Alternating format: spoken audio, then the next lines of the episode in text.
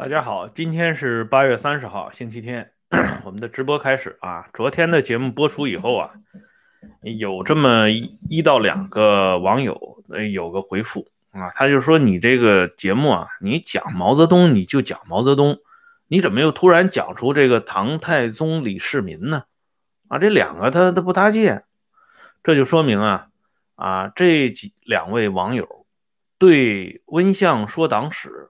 或者说对温相这个历史票友一贯的风格不够了解，同时，一我也认为啊，我个人认为啊，他们对历史到底是什么啊，是跟我个人的认识是存在一定的分歧和偏差的。我个人认为，历史是记忆，记忆是生命，生命是没有断档的啊。千千万万个生命组成历史的长河，它是永远翻滚和流动的。它们中间每一段泛起的浪花都不是孤立的，内在的联系和传承是显而易见的。所以，而且还有一个呃特点，就是说具体到盐碱地的这个历史，它更主要的是一个循环往复的这么一个过程。如果你不了解过去的历史，你在今天孤立的谈论党史，那是比较可笑的，而且也是非常啊 单薄的，你说不出个所以然来。昨天我给大家举的唐太宗李世民的例子，说的是什么意思呢？说的很简单，就是帝王术。毛一生最喜欢读的两本书，一本书是《通鉴》，一本书是《红楼梦》。当然，他还有一个最喜欢的史书，就是研究东西晋的历史。啊，这个咱们这个老炮儿的朋友说的很好啊，谢谢啊，感谢这位朋友啊。可是其他的这两本书啊，《红楼梦》和东西晋的历史，他经常向人推荐，直到晚年还给别人看。可是他《通鉴》啊，《知识通鉴》，他从来没有向别人推荐过。而且大家知道吗？查抄毛家湾的时候。重点查抄林彪读过什么样的书啊？这个林彪在什么样的书上做了眉批啊？做了批语。但是林彪读的这些林林总总的这些书，林彪读书也算是很多很杂的，唯独没有通鉴。林彪基本不读通鉴。那这说明什么问题呢？大家想一想就知道了。而什么叫帝王术？今天讲的第一个话题，咱们就来讲一下什么叫帝王术。这里呢，我给大家看一个小册子，题目叫《索议》啊，这就是一本小小的回忆录，薄薄的回忆录。作者呢叫张申府。张申府是中国共产党最早的参加者，或者说是半个创建者吧。他和他的老婆刘清扬。介绍了一位著名的青年人加入中国共产党，这个青年人的名字叫周恩来，而张申府是李大钊的好朋友。李大钊在离开北京大学图书馆馆长的位置的时候，这个图书馆馆长就由张申府来代理。而在这个图书馆当中啊，浩大的北京大学图书馆当中，有一个非常不起眼的助理。助理员，或者说根本连助理员都不算，说助理员都是属于很客气的说法，其实就是一个义工啊。这个义工的叫什么呢？啊，这个义工就是毛泽东。所以张申府这个人同 中共的两大巨头都有着极深的渊源啊，或者说没有这个人的眼引，这两个人可能早期与中共是无缘的。然而，就这个人啊，谢谢陈先生啊，您多次啊支持咱们这个节目，就是这么一个张申府老爷子，他在他晚年的这个薄薄的回忆录里边，通篇下来不敢提毛泽东三个字，那就更不要说对毛的这些事情啊啊发表任何看法。全本回忆录里边只有一句话是提到毛泽东的，就是提毛。在北大图书馆勤工俭学这件事情，当然就提这一句也是说漏了嘴了啊。而这个张申府他自己在回忆录里头讲述另外一件事情：一九四零年，张申府作为国民政府的国民参参政会的参政员，到重庆开会。开会的时候，他是第一个发言的。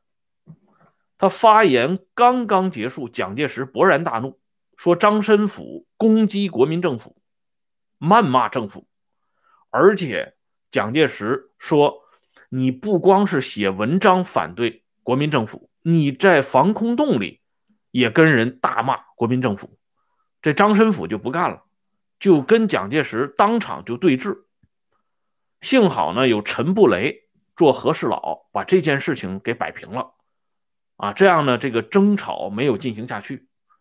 张申府参加完会议之后，怒气难消，直接就冠乌纱帽啊，就不干了。他表示他要去打游击去，甚至他要去延安去。而这个时候，张申府名义上的顶头上司就是军事委员会政治部部长张治中，因为张申府还有一个兼职，就是政治部的设计委员会委员张治中、张文白。赶紧出来打圆场，啊，安慰张申府说：“总裁呢，啊，这个发脾气，啊，不是完全针对你的。”甚至呢，还有左顺生这样著名的党派人士劝张申府说：“你是代人受过，当时在防空洞里骂政府的不是你，是张伯钧啊，就是张一和的老爹。”大家看一下啊。张申府连毛泽东的名字都不敢提，但是呢，他却啊，这个大言炎炎的回忆他如何痛骂蒋介石的这个历史，而这个事情也确实实有其事。那么，痛骂了蒋介石之后的张申府，只不过丢掉了啊国民参政员这个位置，但是政治部设计委员这个位置还有，而且也没有危及到他的身家性命。骂蒋介石没事的，包括那个安徽大学的刘文典啊，这些骂过蒋介石的人，甚至抓过蒋介石的人啊，基本上都没事的啊，除非个别的像杨虎城这样的。可是有人敢骂毛吗？梁漱溟，我给大家这几天一直在讲的这个梁漱溟，他只不过是坚持了一下自己的观点。而且他这个观点无非就是给农民啊打两句抱不平，说这农民的生活如何如何，这就把毛给惹翻了。而惹翻了毛之后，不仅毛本人花了九页的篇章来大骂梁漱溟，毛以下的人，周恩来，咱们就一个一个数啊，周恩来这些人挨个都骂梁漱溟，骂的一个比一个难听，啊。仅仅是因为梁漱溟无权无勇，没啥根基啊，只不过是一个老书生而已，所以呢，最终没绕啊，没有要了他这条老命。可是张申府这个人，大家知道，他对毛周两个人都有恩呢。可是，在一九四九年的时候，当时周恩来的呃著名的这个呃这个等于说是跑腿的、学舌的。齐彦明，政务院副秘书长齐彦明，他们几次找到张申府，要求张申府必须公开检讨。为什么检讨？因为张申府在担任北京大学图书馆馆长的时候，与那位临时工有过冲突，而那位临时工呢，跟他的湖南的同乡同学周世钊，后来担任湖南省副省长的周世钊，在通信的时候说过一句非常狠的话。叫我恨死了那些教授，所以张申府必须要写检讨。而当周恩来问及领袖的时候，说张申府的工作还没有安排呢。领袖说了一句更加震古烁今的话：领袖说，张申府是我的上级，我怎么好安排他的工作？哎，知道吗？这就是领袖的胸怀和气度。所以，为什么敢骂毛啊？敢骂蒋介石，不敢骂毛，就在这里。而更深层次的原因，在我昨天的节目里边说的已经很清楚了。什么原因？就是帝王术。蒋介石不是帝王，所以蒋介石不会用帝王术。正因为蒋介石不是帝王，所以他守不住盐碱地这块阵地，他只能到台湾去打野食。这块土地最尊崇的就是帝王。那么，啊，在帝王之上是什么人呢？就是军师合一。啊，洪秀全那句话说的很对：“主由振作，军师亦由振作。”啊，帝王者一代之帝王，圣贤者百代之帝王，就是既是秦始皇，也是孔夫子，既抓行政，也布道传教，这才是啊真厉害的高人。而这种顶级高人，是盐碱地最最崇拜的人，永远崇拜的人。啊，你看，有的人已经死了这么多年了。仍然香火不断，虽然他没有成功的完成这个主由振作、军师亦由振作这个过程，但是他曾经一度攀爬上了这个高峰。啊，这就是我们为什么不厌其烦的讲历史上这些帝王将相，这对大家我认为啊，了解这个党史和党史人物有一个重要的启迪。那么，既然有这样的人做主公，那底下人的千姿百态，也就非常可以理解了。昨天节目收尾处说，古墓做的一件事情，让周恩来彻底放心了，而且也让古墓这个人在政坛上彻底的、彻底的、彻底的站住了脚跟。这是什么事情呢？这是发生在一九七五年的一件事情。这个事情呢，它的出处在这本书当中。张春桥一九四九及其后，这里边引述了一位老工程师的回忆，把古墓这个人的政治肖像一下就勾画出来了。我们都知道啊，这古墓担任国家建设委员会主任，是毛泽东啊非常赞成的，也是毛很欣赏的。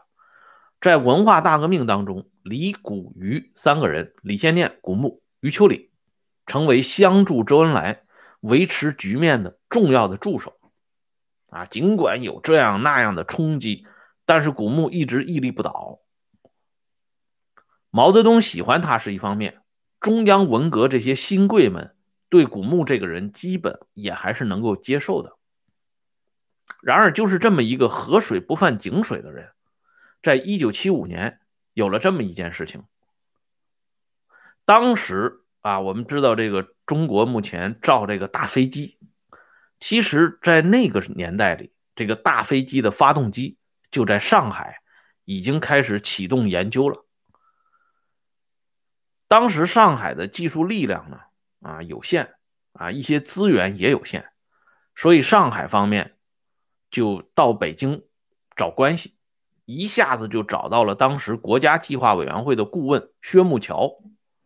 大家知道，薛木桥是中国著名的现代啊著名的经济学家，这是完全啊自学成才的这么一位经济学家。薛木桥当时担任国家计划委员会顾问啊，很有些门路。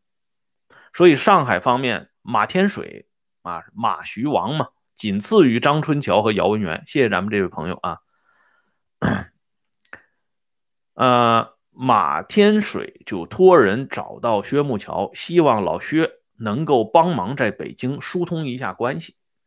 这薛木桥完完全全想的都是技术上上的事情，所以薛木桥就准备给上海方面呢帮一把忙，他就去呢联系这方面的资源。正好被古墓碰到了，古墓就问薛木桥：“你在忙什么呢？”薛木桥把这个事情原委说了一下。古墓说：“你真傻呀你啊！你给他们忙活什么呢？你现在帮他们疏通关系，你这不是等于给那几个人脸上贴金吗？”这薛木桥一听，原来这里边还有政治文章。啊，它不完全是技术上的事情，所以古墓语重心长的点了薛木桥一句，这等于说也把薛木桥给救了。否则日后批判四人帮的时候，真的追究起来，你薛木桥还曾经为四人帮的重要党羽马天水这些人啊牵线搭桥，这个事情如果上纲上线的话，也是很麻烦的，至少是说不清楚。但是古墓三言两语就把薛木桥给点醒了，哎，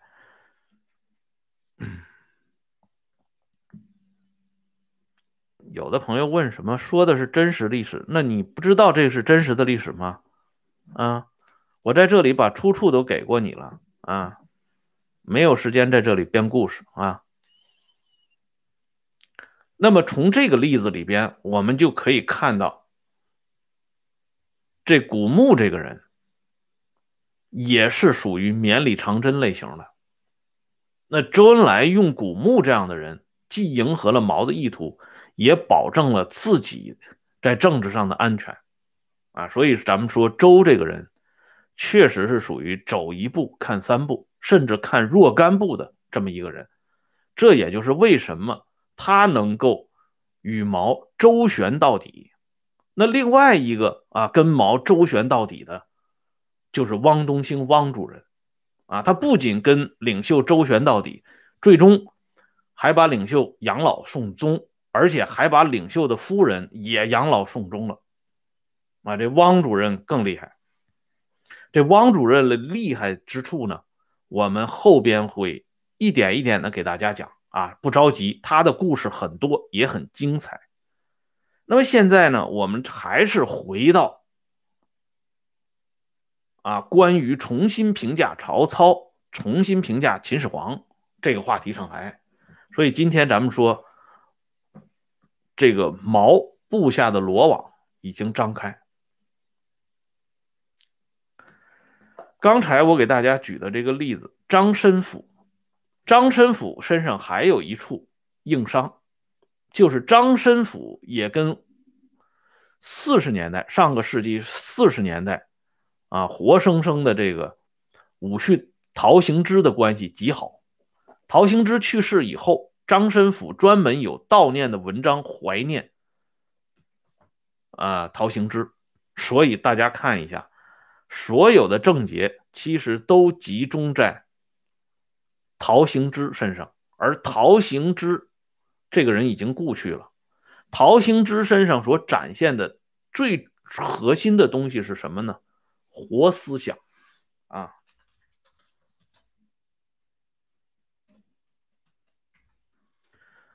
毛这个人最厉害的地方就在于能够抓住别人的活思想。所谓啊，狠斗思念，啊，一瞬间。或者叫一念闪，啊，这是文化大革命当中最常用的一句话。这个活思想放到今天，咱们习惯于管它叫大数据。那个年代没有这么啊高的科技，没有这么现代化的信息手段，那么抓住别人的活思想就非常的重要。而这个活思想在古代叫什么呢？叫腹诽，就是说你这个人啊，啊，在肚子里或者在心里边骂皇帝，这不行，这一样是要犯王法的。但是怎么才能知道你在肚子里啊骂皇帝，在心里边反对皇帝呢？这就是你从你日常当中迸发出的这些活思想里边找到蛛丝马迹，而且一旦找到蛛丝马迹，就可以办你个现行。毛泽东就是在抓活思想这个问题上始终高人一等，超出常人。这就是为什么群体对这个人畏之如虎，以至于这个人死了多少年以后，说到这个人的时候，大家都还是啊战战兢兢。给曹操、给秦始皇翻案，就是抓人们的活思想。当时的背景是，这个所谓的三年自然灾害已经发生了，经济上遇到了极大的困难，那么在这种情况下，人们不可能没有牢骚，不可能没有怨气，而在发生这所谓的三年自然灾害之前，就是一九五七年，已经将一些左翼知识分子啊纷纷打掉，因为你不听招呼嘛，已经打掉了一大批知识分子。但是毛始终认为，斩草必须除根，除恶务尽。还有很多残留分子继续隐匿在各个角落、各个领域当中，没有抓到。那么怎么办呢？就是要把他们的活思想放出来。那么以所谓放松意识形态领域的空气为诱饵。以所谓给曹操、秦始皇这样的历史人物做重新定位为招牌，让这些人的活思想通通的放了出来。而这一次针对的目标，不是那些泛泛的在野的左翼知识分子，而是这些掌权的人物。那这些人包括哪些人呢？咱们明天接着说。感谢朋友们上来收看啊！感谢朋友们的支持。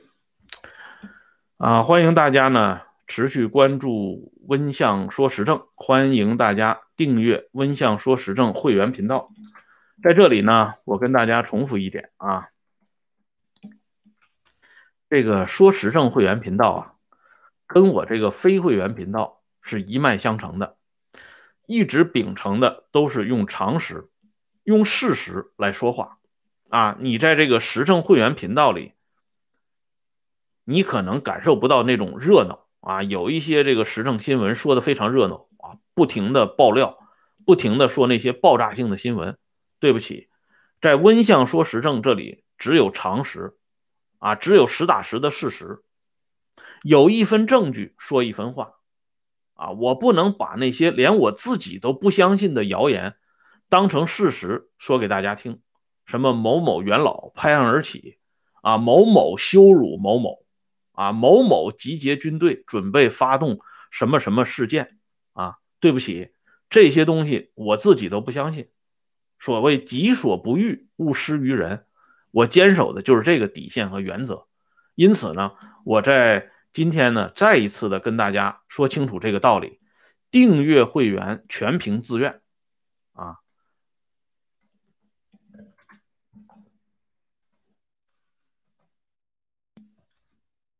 对了，老弟讲的“斗而不破”，就是这个意思啊！不会在这个会员频道里啊散布和张张贴那些啊完全没有啊根据、没有这个来路的这些东西啊！因为我自己啊曾经在这个体制里边待过很久啊，对这个东西还是多多少少还是了解的啊。那些乱七八糟的话，我就不想多说了。